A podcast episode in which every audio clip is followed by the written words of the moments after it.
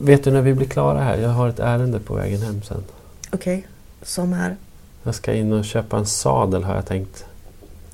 en ridsadel som Ja, man lägger precis. på hästen. Ja precis, en Du rider. Ja, det Okej. gör det faktiskt. Jag har ju då hästfobi. Ja. På, seriös hästfobi. Jag, jag, om jag är ute och går på gatan och det kommer en häst eller om jag går på en skogsväg och möter någon som kommer och rider då kastar jag mig in i skogen. Får seriös Vad har de dödsångest. gjort dig? Hoppat över mig, kastat av mig. Nej, men jag har så här legat på marken och så har det sprungit, galopperat en häst som har liksom hoppat över mig så att jag har legat på marken och sett hästhovar så här som jag trodde skulle trampa ihjäl mig. Det låter helt hemskt. Men eh, du, du kan, det kan inte vara så roligt för dig att resa i Norrland nu då? För den, man ser ju bara hästar överallt. Förr i tiden såg man kor och nu ser man bara hästar. Ja, det var ju så. Det var ju alltid kor överallt när man var liten och bilade. Men, men jag är inte rädd för hästar som, som är inhägnade när jag sitter i en bil. Så Nej, nej. Jag tycker hästar är fina och så. Då slipper du. Jag är inte heller jätterädd för att sitta på en häst. Det är värre att stå på marken bredvid. För då kan hästen attackera mig. Den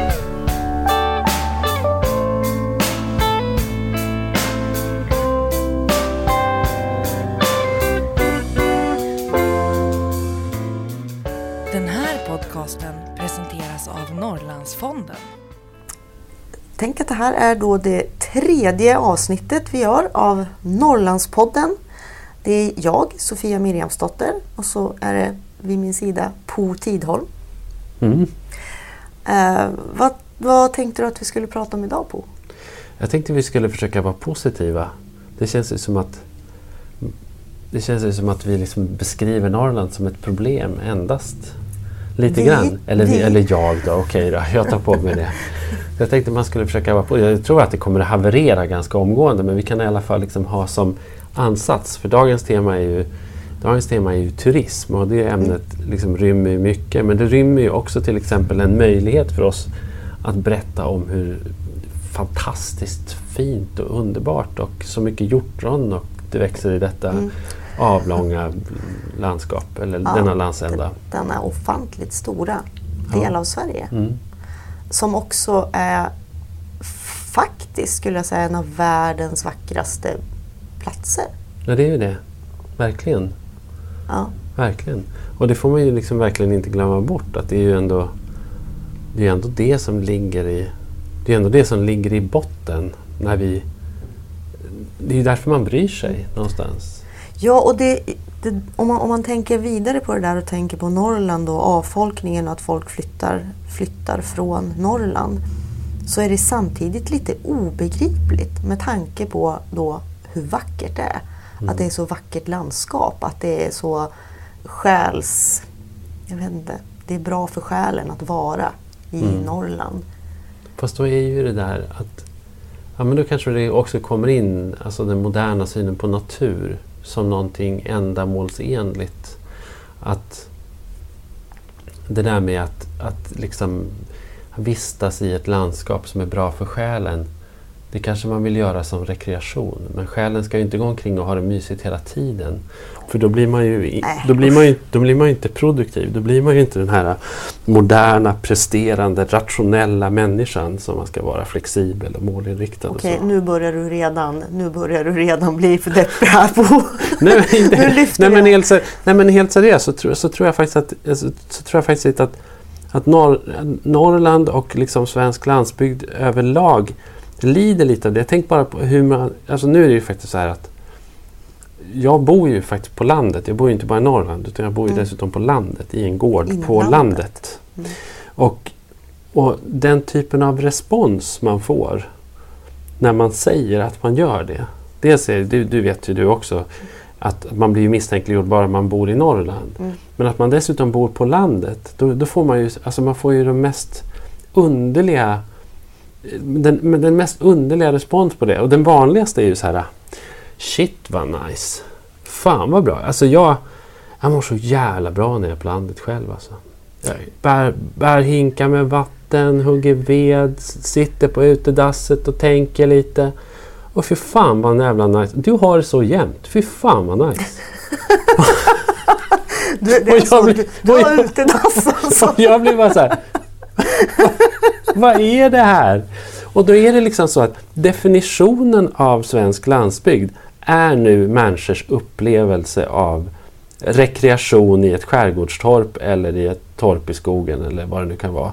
Som är, det är primitivt, det händer ingenting, det är ingen mobiluppkoppling. Det där är ju för övrigt en sån här grej, så när man som norrlänning klagar över att det är dålig mobiltäckning, då kan man ju få höra av folk att det är så jävla nice när man kommer ut på landet. Man störs inte av telefonen, man kopplar av automatiskt.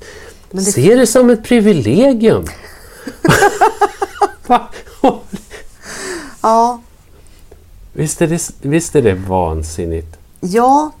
och det, att det verkar svårt för, för många att förstå att man faktiskt bor på Mm. riktigt i riktiga hus.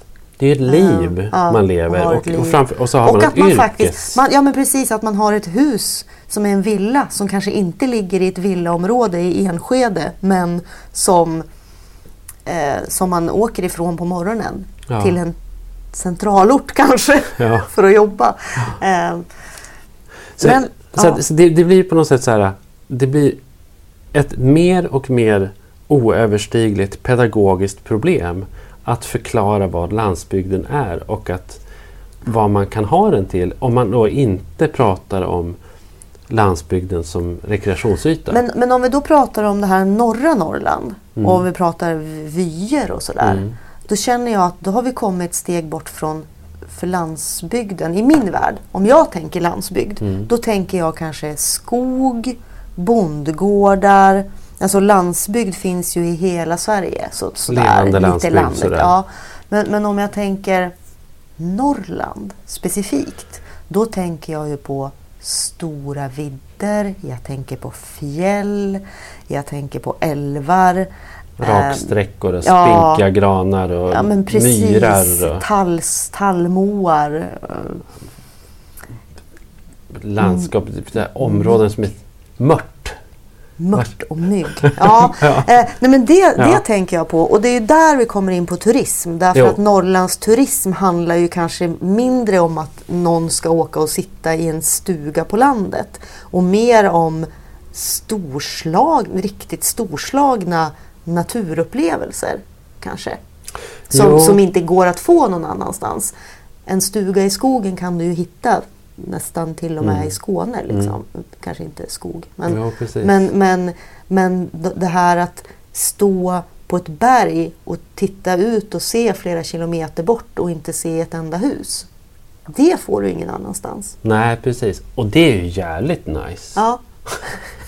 ja men det är ju det. Det är ju det. jag ska inte man, man, är ju religiös. Alltså det, är en, det, är, det är en fantastisk upplevelse. Men det jag undrar är varför det ändå är så pass få svenskar som åker till Norrland Mm. på semester. Och svenskar åker, de åker till andra sidan jordklotet. De åker till Nya Zeeland för att få någon slags motsvarande Mm. naturupplevelse. Men de åker inte norrut.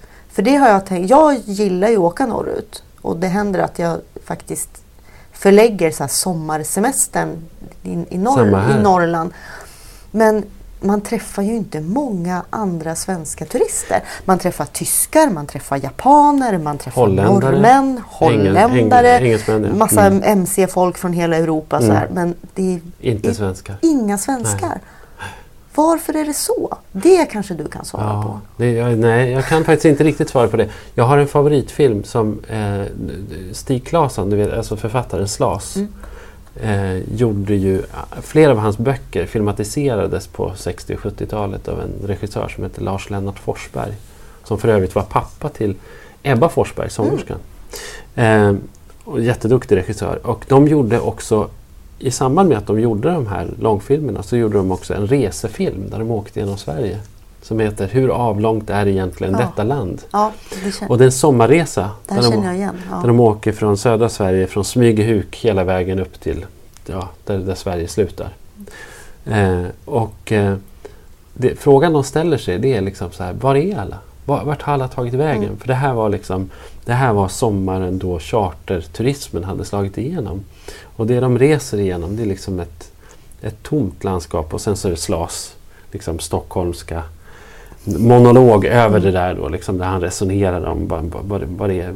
Och, och, det är väl någonstans så här att vi, vi, vi, har ju blivit ett sånt folk som, som på något sätt har vänt oss utåt världen och inte, och inte tittar inåt. Men bara åren innan Slas och Forsberg gjorde den där filmen så var det ju fortfarande så att, jag menar i bilismens barndom, när, mm. när, när Sverige efter kriget blommade upp och svenskarna fick bra ekonomi och folk började köpa en bil per familj och kanske en husvagn eller ett tält och sånt där. Då åkte man ju runt och tittade på sitt eget land. Men åkte de norrut? Ja, i allra högsta grad. Mm. Det var ju verkligen... För, för, jag tänker att vi borde vara på väg tillbaka till det där. Ja, det I, man ta, I takt med liksom miljömedvetande, alltså vi ska inte flyga så mycket Nej. kors och tvärs. Ehm, och liksom när, närhetsprincipen sådär, så, så borde det finnas ett större intresse. Jag är lite inne på att norrlä, norrländska alltså turistnäringen är lite dålig på att marknadsföra sig nationellt i Sverige. Det är de och det, det, det gör de men, men jag tror också att det handlar om jag tror också att det handlar om att vi har omdefinierat vad vad en sevärdhet är. Eller ingen talar ju längre om sevärdheter på samma sätt som man... Men förut så var det så här... Förut var det ju på något sätt som man, man åkte runt och så såg man en sån här kringla, till exempel en sån här skylt. Och man visste inte vart det pekade eller så. Men då svängde man av och så såg man någon stenrös eller någon gammal kyrkoruin eller, eller en, en så här Eh, grav eller en, mm. en så här älggrop eller vad sjutton det nu var för någonting. Och så tittade man på den mm. där och sen åkte man vidare. Det var ju så ganska meningslöst. Sen så stannade man och åt en, en räklandå på ett konditori i någon inlandsort och mm. sen så åkte man vidare. Och så skrev man vykort som man köpte mm. med liksom eh, bilder på orten så skrev man hem. Och jag menar, hur, hur, hur attraktivt är det idag? I, idag kräver det ju liksom, idag pratar du om alltså de som ska sälja in då Norrland eller delar av Norrland som, som, som turistdestination. Mm. Då pratar man ju om så här, för att en, en trakt eller en region eller ett landskap ska vara attraktivt så, så måste du kunna hålla en barnfamilj sysselsatt med, eh, från, från morgon till kväll och helst mer än så i minst tre dygn med, med en uppsjö av olika aktiviteter ja, och upplevelser. Det är just det här med aktivitet och upplevelseturismen. Och var kan du göra det? Nej, och det där har jag också tänkt på när jag har turistat i, i, i Norrlands inland. Att man eh, som turist känner sig ganska övergiven. Mm. Alltså det här, man kan komma till vilken, alltså vart du än kommer i, nu pratar jag Europa då, du kommer till en storstad eller vad som helst så finns det ju alltid, det finns en turistbyrå i varje hörn. Det finns ju mm. folk som bara kastar sig på dig och ska sälja på dig upplevelser och sevärdheter och saker. Kommer du till en till en plats, säger vi, jag väljer att kalla det plats i Norrlands inland, så måste du ju verkligen använda förstoringsglas för att hitta, hitta det där stället där ja, du kan få information eller där du kan hitta någonstans att bo. Eh, eller äta för den Eller ä, ja, äta, äta är svårt. Det är ett stort problem. Ja, ja. Thaimat finns det ju i och för sig då på många ja, ställen. Vi. har, har vi pratat om. Ja, men, och, och, pizza men, och kanske en annan. Men, men, samtidigt kan ju upplevelsen vara, och, och det är väl det att eh, borde man organisera mer? För samtidigt är det ju just det där att göra ingenting eller att bara ja, men en dag i skogen eller bara vandra på fjället. Det, jo, det är, det det är som... ju en upplevelse i sig. Jo, Måste... absolut. Men jag, alltså, det, alltså, jag, jag tror på något sätt att Alltså det som är attraktivt för, för de som gästar vårt, vårt land eller, eller specifikt Norrland som kommer då från, från Holland eller England eller sånt där. Väldigt, alltså det tätbebyggda mm. Europa. Mm. För dem är ju det här helt ljuvligt. Detta mm. att det faktiskt inte finns någonting. Det finns inget utbud, det finns inga skyltar, det finns inget tvång. Det Nej. finns ingen som säljer någonting till dig. Det finns nästan inga människor, det är bara tyst. De älskar ju det, de tycker att det är helt fantastiskt. En gång när jag var i Arvidsjaur och gjorde reportage så var det en man på kommunen som berättade för mig, jag försökte till och med nysta i det, men han berättade att de hade fått ett brev något år tidigare från en tysk som hade skrivit så här Tack för mitt år i Arvidsjaurs kommun.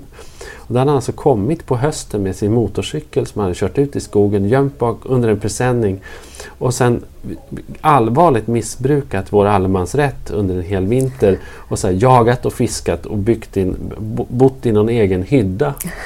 Och sen så på våren så hade han grävt fram sin motorcykel och åkt hem till Tyskland igen. Sen hade han skrivit ett tackbrev för han trodde att han skulle få göra sådär. Och det får man ju såklart nej, inte. Nej.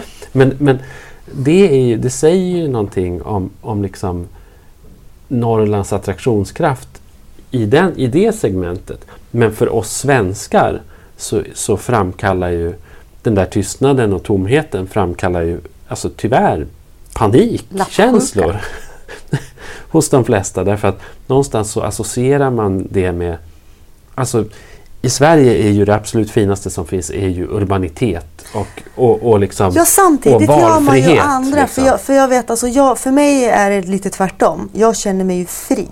Jag, jag kan ju känna mig fri. Sen, sen, och sen beror det på hur man ser det, men en, en riktig, den ultimata Norrlandssemestern för mig, det är då en roadtrip. Och mm. det måste man ju nästan, du måste nästan ha bil, så är det ju. Du kan ju inte räkna med någon kollektivtrafik eller någonting. Och att bara åka lite på vinst och förlust. Och själva vägen är målet, alltså bilresan. Att åka på i Lappland på oändliga vägar genom skog, du ser liksom bergen höjer sig. Det, ja, det, det är ändå varierande natur. Mm. Man är nästan ensam på vägen, man, ingen annan trafik, du möter inga bilar. Du får köra många, många, många, många mil innan du hittar en mack. Alltså om du vill tanka. Och det, det är tyst och det är ju frihet. Sen är det ju det här att komma fram till en plats. Det kan ju nästan vara lite obehagligt då. Beroende på, antiklimax. ja men precis, det blir lite antiklimax. Ja. Eh, jag, var, eh, jag var då på en roadtrip då jag åkte eh, jag, jag var i, i Kiruna och Jukkasjärvi. Och så var planen att jag skulle åka från Jukkasjärvi söderut. Men när jag var där så, så fick jag ett telefonsamtal från en person som tyckte, men vadå, är du bara, är, har du inte åkt längre norrut? Har du inte varit i Karesuando? Som ju då är här, Sveriges nordligaste bebodda by, liksom, eller sådär. Är det inte det? Det kanske är. Jag ja. tror att det är det. Mm. Ja, någonting sånt. Den ligger väldigt långt norrut, Karesuando. Ja, och då när man är i Norrland på roadtrip, så jag tror att det är 30 mil eller någonting från Kiruna till Karesuando. Så tänkte jag, ja men jag åker väl dit och så jag kan säga att jag har varit där. och, så, och så bilade jag till Karesuando, det är några timmar. Och Karesuando ligger då ovanför trädgränsen så att landskapet blir ju jätteförändrat mm. när du kommer lite norr om Kiruna. Det, inga, det, det, finns ingen skog, det är, ganska, det är delvis ganska platt också. Och det är låga knotiga träd och buskar och extremt mycket mygg. Och så kommer man fram till Karesuando och så är det några hus och så finns det ingenting där. Det finns ingenting. Det var så här, finns det någonstans här? Jag försökte kliva ur bilen för att jag behövde gå på toaletten och höll på att bli så uppäten av mygg så jag var tvungen att kasta mig in i bilen igen. Och, det, och så vände jag därifrån. Alltså, jag åkte igenom Karesuando och åkte tillbaka. Mm. Um, också varit med om och det, det var ett litet antiklimax ändå. Ja. Uh, att, att Karesuando bjöd liksom inte på någonting. Nej, men då, då kan man väl konstatera att du hade felaktiga förväntningar. jag tror liksom så här, ska man, ska man turista i Norrlands inland då, då, då, måste man liksom vrida ner sina förväntningar till, till ett absolut Jag tänkte minimum. mig kanske att det skulle finnas ett fik ja. med en liten utställning. Nej, ja. Nej, jag vet inte. Nej, men det är ju, det är ju sådär. Sen är det ju liksom också alltså, det har, hänt, det har hänt väldigt mycket de senaste åren när det gäller alltså, turismen. Alltså, turismen i Norrbotten framförallt har ju exploderat och är otroligt framgångsrik. Och det här är ju också så här man, man kan se liksom hur fel man har som svensk eller hur dålig man är på att uppfatta vad som är gångbart. Jag, för, för det här är ju uppenbarligen då väldigt länge sedan men, men jag hörde talas om någon som skulle starta ett hotell utanför Kiruna och tänkte att ja, men det där kan jag åka och skriva om. Jag kommer inte ihåg vilken tidning jag jobbade för då. Men jag, jag åkte upp i alla fall. Jag tyckte det verkade så otroligt idiotiskt. Man skulle sova i iglos. Mm. Eh, och jag åkte dit och det var ganska litet. Och det var 35 minus. Och jag gjorde det där. Eh, och jag tyckte att ja, det här är väl Ja, det var väl, det var väl intressant och sådär. Och det var ju då Ice Hotel i, Jukka, mm. i Jukkasjärvi som nu är en internationell succé. Mm. Och, och liksom, det är knökat med folk och det har blivit en gigantisk grej. Så vis av erfarenhet, så när, härom året så uppmärksammade jag att några i, i Harads, eh, längre söderut då, i, me, mellan Luleå och Jokkmokk, skulle starta ett eh, Tree Hotel. Ja, det där träkojorna. Ja. Eh, och, så att jag var där och skrev om det som en av de första svenska tidningarna. Och det var ändå, hade de ändå varit igång kanske någon månad mm. eller så. Men när de öppnade, de hade sin öppningshelg, då var liksom New York Times och CNN och Ditt Site ja. och Le Monde och mm. Liksom alla, alla tidningar kom från hela Europa och hela världen. Ja, och de är ju fullbelagda och det är fruktansvärt dyrt. Ja, ja, det, det... kostar 3-4 tusen ja, kronor natten. Ja. Det är fullkomligt vansinnigt. Men, men, men liksom Ja, då, då var jag med på tåget. Då fattade mm. jag i alla fall att det här, det, här, det här är vad som funkar internationellt. Mm. Liksom. Så att jag tycker att men, då är det, men, men det är lite intressant. Det som funkar, då är det själva hotellen. Därför att ja. när du kommer till det här träkojehotellet, Treehouse, så har du ditt coola rum som mm. är byggt upp i ett träd. Och alla har egen design, va? visst är det så? Det är olika ja, ja, kojor. Ja, så, att, så, att, de ser olika ut. Och så bor man i sitt rum och det är lite coolt och så vaknar man där. Men vad gör man när man har klättrat ner från Men sin jag koja? Kan berätta, jag, kan, jag kan berätta en sån fantastiskt gullig historia om detta.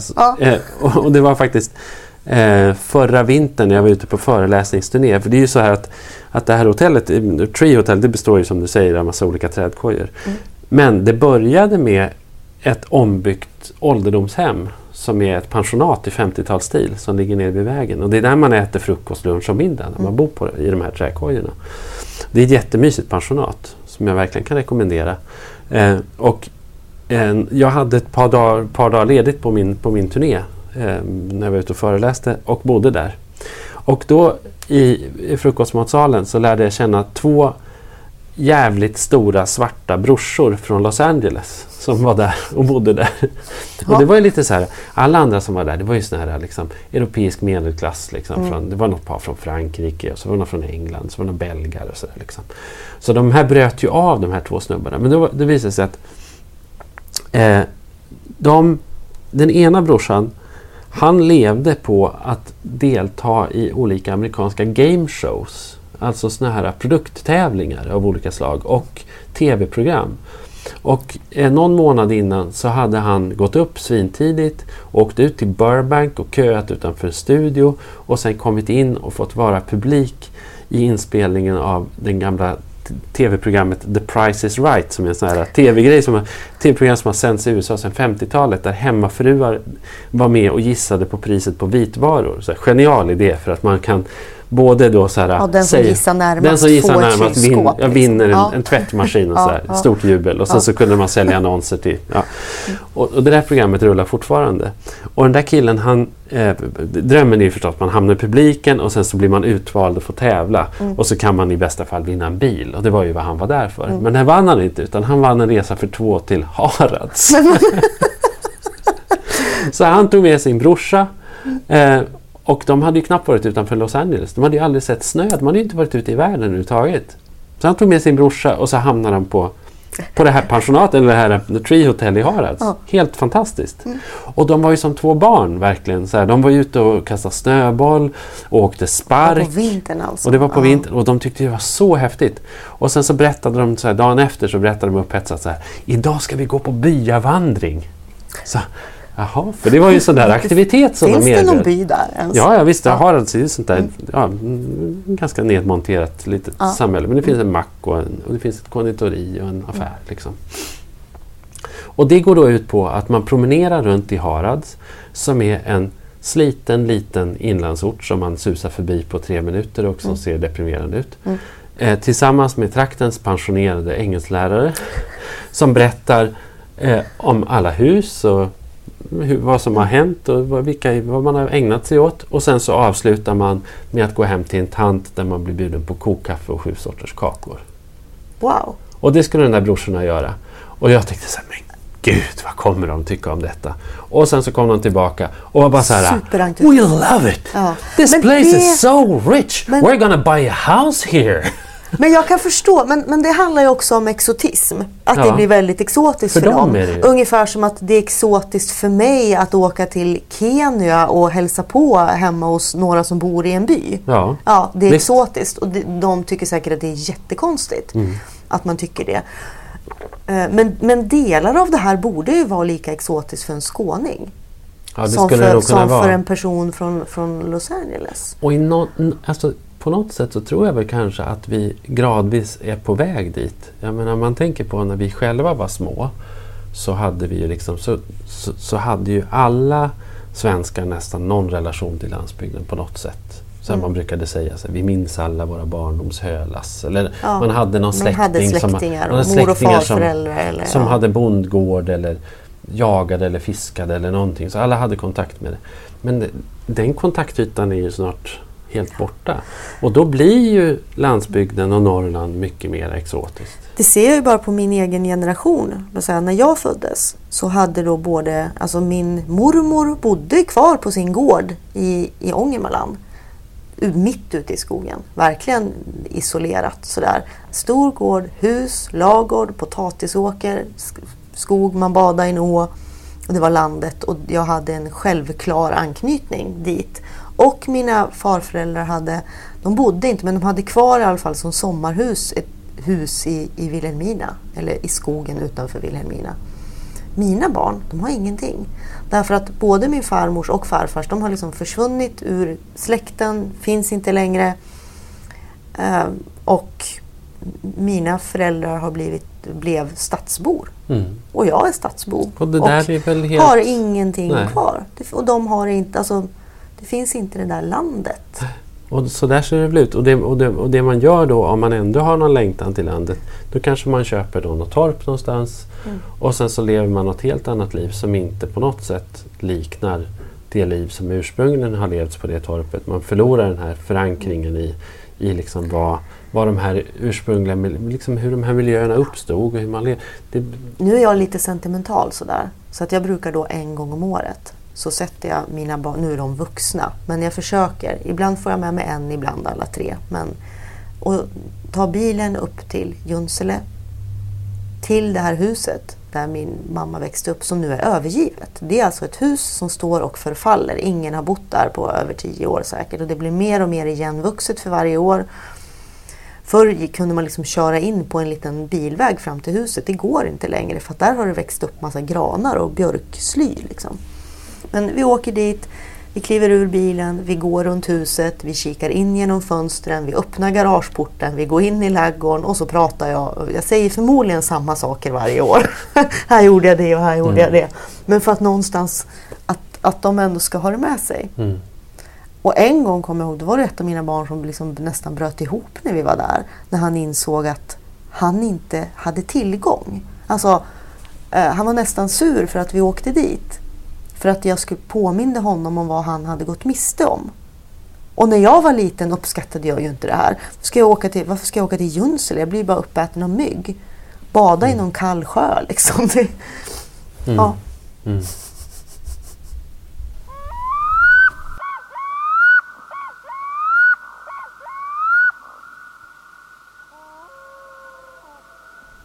Vi måste göra en lista. Ja, det måste vi göra. Och idag så bör ju listan rimligen handla då om topp top fem turistattraktioner eller sevärdheter är fel ord. Det är inte sevärdheter ja, vi ska precis. lista. Nu, för, ja, nu är det ju destinationer, Besöksmål. besöksmål. Ja, gud, vad Besöks- ska man kalla sånt här egentligen? turisttips. Mm. Fem turisttips från Mm, Bo och ja. Sofia. Ja, precis. Vi säger så. Ja. Du får börja. Ja, jag tycker det här är så svårt för jag tänkte på det att, att det som jag tycker är det som jag tycker är intressant är antagligen ganska konstigt i andras ögon. Jag, jag kan ju verkligen uppskatta liksom en knappt levande by eller en, ett nedlagt, en nedlagd centralort eller något sånt där. Men jag, jag försöker ändå tänka, jag tänker publikt nu. Mm. Mm. Och då tänker jag på hela Höga Kusten-området som ju faktiskt är verkligen värt att besöka. Som är världsarv till och med. Även om det är ett ganska konstigt världsarv. Vet du vad världsarvet Höga Kusten egentligen går ut på? Går ut på? Ja, vet du varför det är världsarv? Mm, det kanske jag gör. Nej, men berätta. Det är för att ingenstans i världen är landhöjningen så stor Ja, som, ja som okej. just där. Men det visste jag ju. Men inte Men- att det var det som är var liksom, det, det är lite världsarvs... konstigt, att, för det, det går inte att se. Det är, liksom, det är inte som att man kan stå där och se liksom, Att land- landet krypa upp ur havet. Nej. Även om det är det som sker snabbare där än på andra ställen. Men, Mm. men det är ett ganska konstigt världsarv på det sättet. Jag tänker att det är Sant. ganska dåligt när man ska bada. Ja, just det, för att det förändras från år till år. Eller liksom ja, att det, för att det är ganska mycket stup ja, och och så är det verkligen också. Nej men det är jättevackert i Höga. Kusten. Men, men, men om du skulle, alltså Höga Kusten, det är också det här, om man åker dit och liksom aldrig har varit där och kommer med den här bilen Mm. och så kommer man till Mm. Höga Kusten. Ja. Vart ska man ta vägen? Vart ska man ta vägen då? Då tycker jag man ska Dels ska man åka runt och titta och man ska åka till Bönhamn och man ska åka till Nordingrå och man ska åka till de här fantastiska Ulvön. Ulvön kan man åka till och man kan åka till såna här fantastiska klippbad som finns eh, tror jag i närheten av Bönhamn. Eh, du har ju hela Skuleskogen som är jättevacker med den där skrevan. Och, eh, Ronja, Ronjaskogen. Ja, Mm. och sen eh, alla de här märkliga småorterna som Nyland till exempel. Som jag tycker är, det är lite längre in i något, eh, i Ångermanälven. Jätte, jättevackert. Eh, och, eh, och sen så finns det ju faktiskt en, ett, liksom ett turistmål i, i eh, Café Mannaminne. Eller Mm. Mannaminne som är eh, en konstnär som heter Anders Åberg som har, som har bara byggt och byggt och byggt och byggt i över 30 år. Och eh, smackat upp en massa... Som jämför med typ Skansen. Ja, det är som Alltså, ett det är helt, som helt ett eget Skansen. ja, det är fast det är också mm. internationellt Mm. på något konstigt sätt. Det är hus från... Han har byggt hus. Mm. Bara hejvilt. Ja. Och olika konstiga små hembygdsmuseum och det är spårvagnar och det är, det är lite, och så, så är det ett, eh, ett café. Mm. Och eh, det är väldigt roligt. Det är ju väldigt unikt och annorlunda ställe. Liksom. Så, att, så det kan jag verkligen rekommendera. Men det är ju också det är en fantastisk natur. verkligen. Och Mm. ett otroligt landskap. Det är ju som norskt fjordlandskap nästan. Mm. Vad har du? Ja, jag skulle vilja säga då eh, Storforsen. Mm. Älvsbyn. Ja, Ja. Men, men det är en klassiker och det är verkligen det är, det är, den här, det är en klassisk sevärdhet. Så. Eh, Men jag kan ju, det är också så här jag kan fundera på varför måste, man måste ju inte åka till Norge eller Nya Zeeland eller Nordamerika för att titta på ett vattenfall. Man kan vara vid Storforsen och sitta helt paralyserad en hel dag och bara titta in i de här skummande Mm. Eh, det är jättefint och det, det är ändå det är ordnat, alltså det är vackert. Det är en stor brusande fors Mm. och vatten som rör sig är, det är lite grann som eld. Faktiskt, Alltså, ja. det, det är en bra jämförelse. Om, om man är en sån person som kan, som kan tycka om att sitta och titta in i en brasa och känna sig liksom lugnad av det så, så är ju Storforsen ungefär motsvarande. Man kan Mm. sitta och titta, stirra på det här vattnet. Och, ehm, ja. Sist jag var där förra vintern, då var det, det var, jag var där på vintern. Det kan jag också rekommendera faktiskt när det är så halvfruset. Liksom, när, när de här forsens former har frusit till hälften. Och det ändå liksom pålar fram vatten. Och, Ja. och det, det blir ju en väldig massa rimfrost Mm. överallt. All, allting är liksom täckt av rimfrost. Eftersom det, Jag kanske ska säga det, det är ju Sveriges högsta vattenfall va? eller Sveriges största vattenfall. st- Sveriges största i alla fall. Ja, precis. Det är det ju. Ja, Och det ligger i närheten av Älvsbyn. Mm, mm. det nämnde jag då i början. Gjorde du det? Du det var jag som det. lyssnade dåligt. Mm. Ja, eh, ja men, men ska jag ta en till? Mm. För då skulle jag kunna säga motsvarigheten till Storforsen på vintern. Nämligen Jukkasjärvi på sommaren. Jaha, okej. Ja. ja. Vad gör man då? Eh, I Jukkasjärvi, för det första så... Nja, jag vet inte. Eh, alltså Jukkasjärvi ligger ju jättevackert vid en älv liksom, som Mm. är enorm. Eh, man kan, alltså på, är man där på sommaren så har man ju då midnattssol. Mm. Eh, det, det finns aktiviteter, alltså det anordnas, alltså ishotellet, Icehotel, de har ju massor med aktiviteter och så även på sommaren.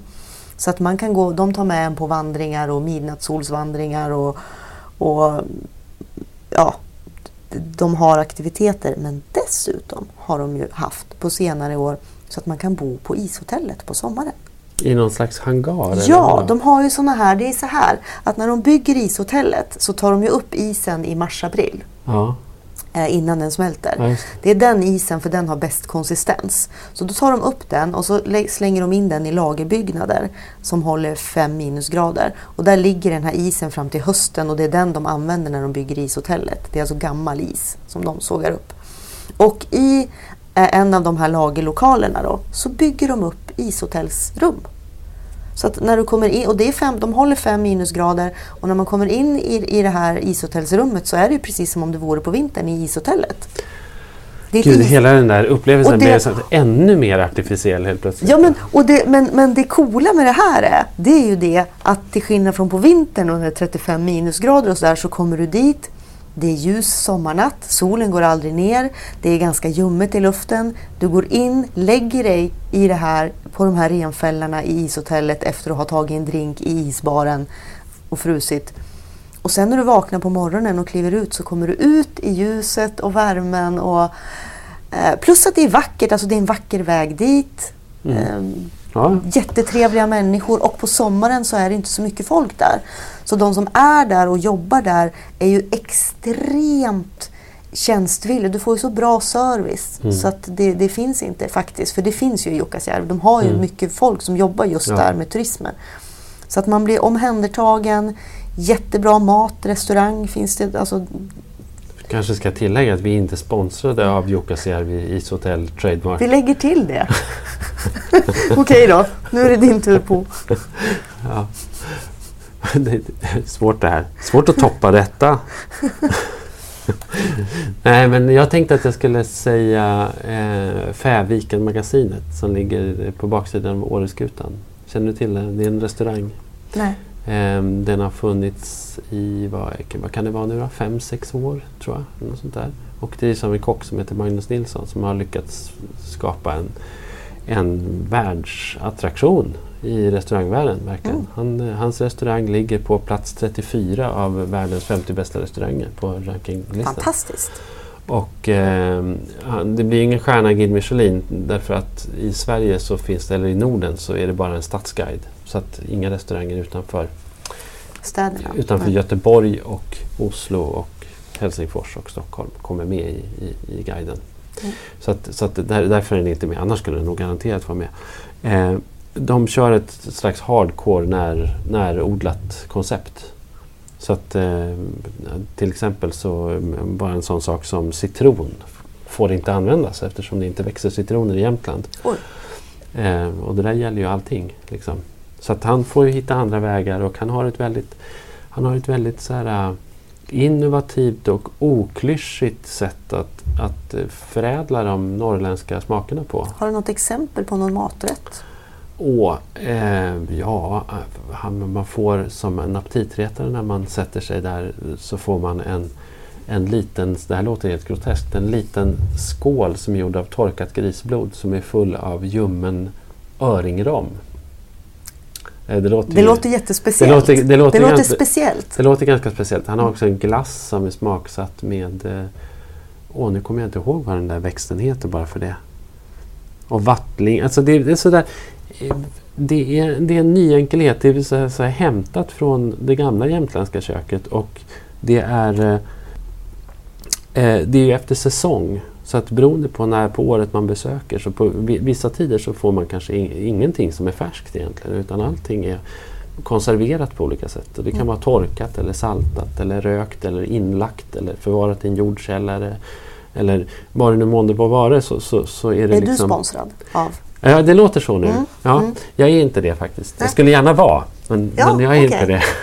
Nej, men det, Men, men det, det är faktiskt väl värt ett besök. Det är absolut inte gratis på något sätt men det, men det, det tycker jag är otroligt häftigt och jag är väldigt glad. Jag blir på något sätt glad över att man men kan få... Åre är väl också generellt väldigt... Där finns det Jo, väl ändå men- företagsamhet och Absolut, och innovationstänk. där, och där kan man ju leva ett lyxliv utan dess kan, like. Precis, och i Åre kan du även aktivera en barnfamilj i tre dygn. Ja, absolut. Fast det tycker jag på något sätt, Åre är, Åre är liksom som en, som en slags ö. Eh, Åre är ju inte, har ju väldigt lite koppling egentligen till, till världen runt om. Norrlands någonstans. Gotland. Ja, det är ju lite så. Det är ju som en slags theme park. Liksom. Mm. Den, den, den ligger där därför att det finns slalombackar där. Men den, den, har, den har egentligen ingen förankring i lokal kultur på det sättet. Och, och man kan bo jättefint i Åre och äta jättefin mat. Men det har egentligen inte särskilt mycket med Jämtland eller, Det eller med Norrland men att det göra. påverkas väl också väldigt mycket av alla, alla gäst, säsongsarbetare. Om man ska säga. Har varit väldigt mycket Verkligen. människor där som, som inte bor där men Nej. som har kommit dit och bott där och levt där och som, Ja. som har influerat. Och nu ligger ju Färviken nära Åre och drar nytta av det säkert på olika sätt. Men, men, men det är ändå ett, ett koncept som, som har verkligen så på ett väldigt tydligt sätt är norrländskt förankrat och det, det uppskattar jag verkligen. Okej, nu är det min tur. Ja. Eh, Jag skulle vilja då slå ett slag för kusten också. Bara kusten i största allmänhet? Nej, kusten. men jag är då, eh, jag är då uppvuxen vid Norrlandskusten Mm. eh, också och eh, på Alnö Mm. som ligger utanför Sundsvall. Mm. Eh, faktiskt Norrland. Eh, det brukade, jag vet inte om det gör det, det brukade när jag var liten kallas för Norrlands Hawaii. Herregud. Och det här, och det här, det här är ju då, kan alla, alla är inte riktigt medvetna om det. Men Alnö är då, eh, det är en ö, den är, om man cyklar runt den så är det eh, som en maraton ungefär, 4,2 Mm. mil. Eh, och den är då kantad av vita sandstränder. Va? Ja, det är jättefina. Det är beachen liksom. Det är vit, fin, mjuk sand, bra botten, långgrunt, jättefina badvikar, små kobbar utanför, båtar. Eh, det finns här i ga- gammalt fiskeläge med klippor, små fiskarstugor. Du kan köpa, du kan köpa så här, stanna till och köpa rökt sik längs vägen och lägga pengar i en låda. Eh, och så finns det ju då på Alnön även då så, så kallade sevärdheter, klassiska geologiska saker. Det finns här, de har hittat diamant på Alnön, det finns bergarter på Alnön som inte finns någon annanstans i världen förutom i Sydafrika tror jag. Ehm, och så finns det en gammal kyrka som är fin att se, som är från 1100-talet. Jäklar. Med jättefina gamla målningar som då är från 1300-talet. Mhm. Ja, eh, så att Alnö, där kan man absolut hänga en vecka och sola och bada och titta på kyrkor. Och, Galet. Men det, det, det, här, det förvånar mig inte att... Alltså jag har aldrig hört talas om detta i, eh, tidigare överhuvudtaget. Men det förvånar mig inte att, att, att när man stöter på en sån här sak som man inte har hört talas om, som ändå låter spektakulärt, så kan man ge sig den på att den ligger just i detta landskap, Medelpad, som är liksom så otroligt anonymt med, med alla svenska mått mätt. Mm. Vem vet någonting överhuvudtaget om detta landskap Medelpad? Det är ju märkligt egentligen. Mm. Och det, och det, det är som du säger också, kusten generellt, när, när, när man pratar Norrland så, så, så tänker ju alla du gjorde ju någon eh, enkät på nätet också Mm, mm. och det var väl ingen som nämnde havet eller kusten överhuvudtaget? nej, utan nej, nej. Alla, Alla, alltså- pratar om skogen. och man nämner inte städer, man nämner inte havet utan, utan det man pratar om det är ju inlandet Mm, liksom. mm. och fjällen och, och, och myggen och Ja. spriten. Och på Alnö finns det ju då inga mygg. Eller ja, det är kanske klart att det finns några mygg kanske. Men det ligger vid havet. Myggen blåser bort. Ja. ja, det låter ju superbra. Mm. Mm. Ja, ska jag slänga in en till eller? Mm, Ja. mm. ja, då är det ju eh, det som tidigare var eh, riksväg 45 och som nu heter E45. Jag har väldigt svårt att vända mig med det där att det är en Europaväg, men okej. Det är ju eh, en väg som börjar i Göteborg och slutar i Nordkap. Och som ju har sin absolut längsta sträckning genom, genom Norrland. Eh, förbi Sveg och Östersund och eh, Storuman och Sorsele. Massa och, hålor. Gällivare, ja, massa Mm, hålor mm. och, och, och andra ställen också. Och den, det, det är ju en otroligt häftig väg. Den är ju verkligen så här... Här kan vi också prata kolonialism för att hela den här vägen är, är ju liksom tillkommen för att frakta ut Norrlands guld på något sätt ut ur, Mm. ut ur landet. Skog och järnmalm. Och det, när man åker den här vägen så är det ju liksom timmerbilar. Eh, Jag tror att eh, liksom, det, det, det är en timmerbil eh, i genomsnitt var, var sjätte minut eller sånt där på den där vägen tror jag någon har mätt upp. Mhm. Och, eh, som åker söderut. Då. Så det är verkligen en sån farled för, men det är också en farled för alla, alla europeiska turister som, som reser upp genom landskapet. Och, Och, det är ju, och det är, man får ju se så otroligt mycket vackert när man åker på den här Mm. vägen. Den är verkligen jättehäftig. Sen fortsätter den ju ner genom hela Europa. Jag tror att den slutar någonstans i södra Spanien. Så att det, man kan ju liksom åka på den här vägen. Då från, den går genom hela Europa. Det är verkligen, det är verkligen en maffig väg på det sättet. Men, men genom Norrland så, så är den häftig. Och jag hade länge någon så här dröm om att man skulle skriva en bok om riksväg 45-åkaren. Och sen så helt plötsligt för jättelänge sedan är det nu så dök det upp en sån bok. För alla, Den ser jättehemsk ut. alla kommunerna längs den, här, längs den här vägen gick ihop för över 20 år sedan och startade vägföreningen Via Lappia och de skulle sälja den här boken. Och så utsåg de näringslivschefen i Malung att skriva en bok, då, en turistbok om den här vägen. Och den här kom jag över på något sätt. Då. Jag blir den inte jättefrestad av den där boken. Och den är så tråkig den här boken. Ja. Den är så tråkig och, och den Den visar... är ful, den är grafiskt ja, vidrig. motbjudande. Ja. Och, och framför allt så är den språkligt väldigt intressant och den visar på, den gjorde också på något sätt att jag kom av mig därför att den, den visar på det här omöjliga uppdraget som det faktiskt är att skriva någonting positivt om, om alla de här små orterna och allt det här tråkiga och de här liksom det är bara så här Men, men är det... det, är bara så, det bara framstår som så fruktansvärt det så kallade Maksjöfyndet, ett gravfynd som finns på Vilhelmina hembygdsmuseum, är ungefär 700 år Men gammal. du. Och så där pågår det sida upp och sida ner. Och så ska man då förväntas intressera sig för... Nej, det är ju oerhört. Ja, men nu har vi fem. Ja. Höga Kusten. Storforsen. Jukkasjärvi. Den här restaurangen Fäviken. Fäviken. Alnön och riksväg 45. Som en bonus. Och min, min bonus, eller det jag skulle vilja lägga till, det är min, mina varmaste rekommendationer generellt att göra en roadtrip i, i Lappland, Norrbotten och Västerbotten. Mm. Eller längs 45 Ja, det är, alltså, det är väg 45. ja. Sen kan man ju ta från den och åka ner någon annan väg då. När För man så, ska är det när söderut man, igen. ja, och för så är det när man turistar i, i- Norrland så är ju på något sätt vägen är ju resans mål, Ja. verkligen bokstavligen. Verkligen. Mm. Mm.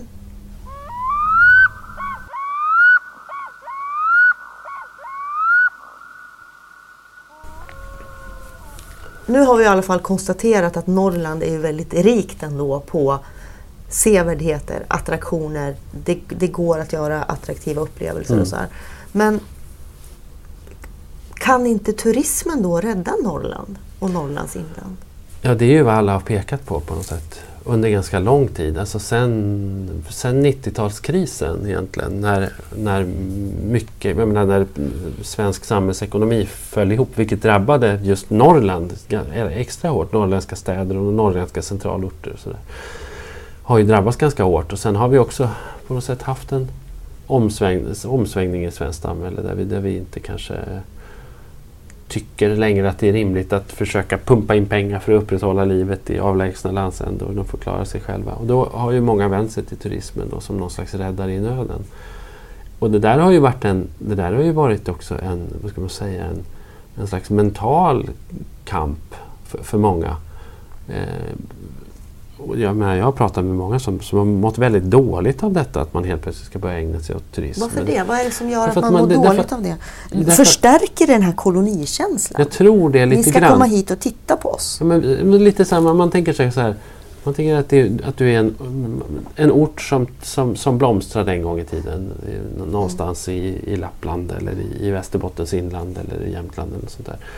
Och det, alla var sysselsatta. Det fanns arbete, det fanns fina bostäder, det, det var puttrigt och trevligt och det fanns skolor och det fanns Mm. ett visst utbud av allt möjligt. Och sen så har allt det försvunnit. Och att då acceptera att vi är inte längre den här kommunen eller den här orten som kan erbjuda människor det här. Utan nu ska vi börja sälja ut Mm. våra smultronställen och våra badplatser och våra berg och våra, Våra våra, fiskesjöar. och våra och- fiskesjöar och våra jaktmarker till tyskar eller till engelsmän eller till folk från Danderyd som ska komma och betala. Och vi ska stå med mössan i hand och kanske så här, Serva dem. klä upp oss i dräkt och fjanta till oss och serva dem. Och det där är ingen, det där är ingen lätt grej. Och, och Det är också det här att svensk, alltså svenskarna är ju vana vid att det är vi som är turisterna. Ja. Det är vi som åker ut och är turister. Det är vi som åker och tittar på och smakar andras mat och, och blir servade. Mm. Men, men det, det, är inte heller bara en fråga om Norrland utan handlar inte det om hela liksom, Sveriges förändrade roll i världen? Alltså när eh, utvecklingsländer, människor blir rikare och rikare och även kineser har råd att åka och semestra i Sverige. Ja, visst. Och Så- att det blir ombytta roller och att Ja, det är bara visst. att gilla läget. Ja, gud, Nu ja. är det vi som står där och blir tittade på. Ja, så är det. Sen handlar det också om att, att kunna identifiera vad som är de verkliga kvaliteterna i det man har. Som vi var inne på tidigare. Jag menar Norrbotten har varit jätteduktiga på att göra om det som, som man tidigare kanske skämts för. Det vill säga då kyla, enslighet, långa avstånd, tystnad. Sådana saker som har betraktats som, som negativa saker. Har man helt plötsligt vänt på och gjort till turistattraktioner. Folk kommer nu till den här delen av Sverige därför att det är tyst och därför att det är långa avstånd.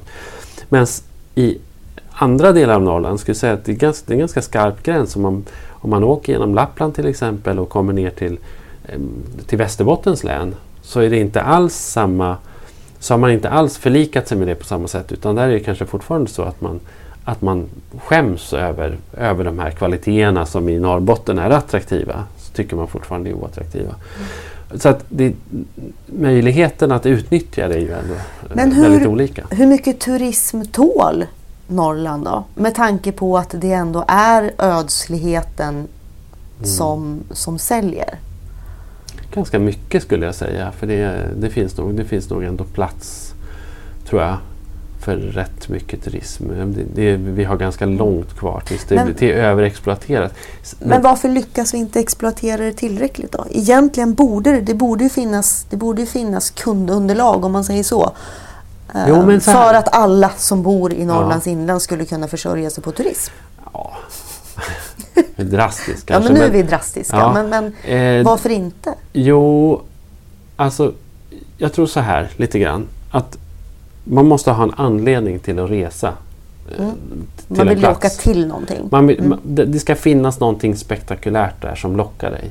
Sen när du kommer dit så kanske du upplever någonting helt annat. Som jag var och tittade till exempel i, i eh, Rovaniemi i, i eh, norra Finland. Finland. Mm. Där de Tom- har ett tomteland tomten, som är supervidrigt, superplastigt, jättetöntigt. Och eh, folk kommer dit och tittar på det här tomtelandet.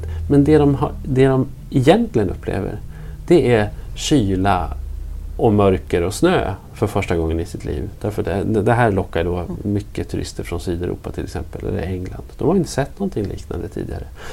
Men för att åka dit så måste man locka med någonting och då är det tomten som lockar. Och då kan man ta med sig barnen och barnen får se tomteverkstan och sånt där. Men upplevelsen som man har med sig, det tror inte jag är en plastig tomte utan det är den här Vi ska upplevelsen. bygga äventyrsländer i, i Lappland. Och jag tror lite samma sak som vi var pratade om där med, med Tree Hotel i Harads. Mm.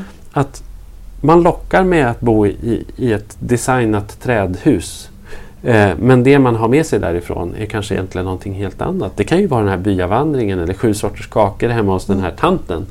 Eh, eller åka spark för första gången i sitt liv. Eller skoter. Eller, eller gå på en promenad längs byvägen eller vad det nu må vara. Men man måste locka med någonting. Och, och det finns alldeles för få sådana attraktioner i, i Norrland för att, för att kunna locka den typen av volymer som, som krävs för att det ska Vad bli är det som lönsamt. stoppar en sån utbyggnad då? Finns det, saknas Det det, ju- idéer? Saknas det vilja hos Saknas människor? för kapital. Saknas det? Ja. Saknas för kapital i allra högsta grad. Mm. Och det är ju jättesvårt att få, få finansiering till exempel. Jag menar, det var ju en man som skulle bygga det en jättestor billigare älg bygga, till det är ju exempel. billigare att bygga ett äventyrsland än att borra en gruva. Fast det måste ju funka också. Det måste ju vara, det måste ju vara liksom en vettig Och det är mer Det måste vara en långsiktigt. vettig idé. Det Tänk den ändå- mannen som skulle bygga en jättestor älg som skulle heta Storn. Och han kämpade, han skulle ha finans- finansiering. Mm. Jätte, jättestor älg med, med hotell i, i, och liksom så här bröllopssviten i huvudet på älgen. Och, och en stor restaurang i rumpan. Och utsikt över bergen.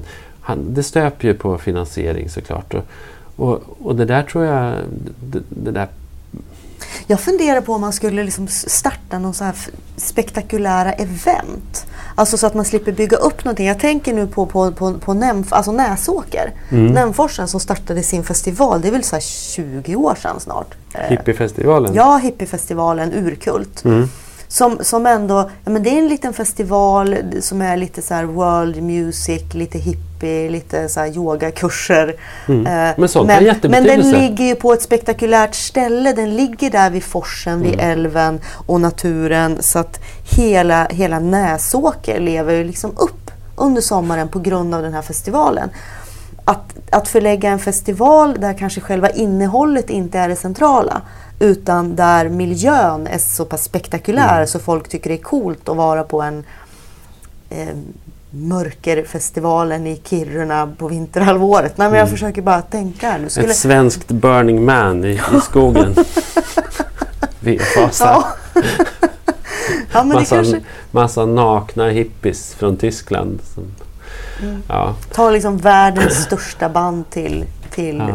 så här, någon ja, fjällstation, ja. Kvikkjokk. ja, men varför inte? Nej, men alltså, sånt, där är, sånt där kan funka. Det, det Ja, kan, det kan ja. det göra. Men det kan ju, också- det kan ju också tokfloppa Ja, och, och, och alla pengar tar slut. Mm. Men, men jag tror att finansiering är väl en, det är väl en, en stor anledning. Sen så är det ju faktiskt också så här att alla människor passar inte till allting. Och, och jag, alltså, alla, alla norrlänningar är ju kanske inte helt och hållet lämpade för serviceyrken skulle Hur jag tänker säga. du nu Paul? Nu måste du... Hur tänker- Ska vi, ska vi klumpa ihop alla norrlänningar?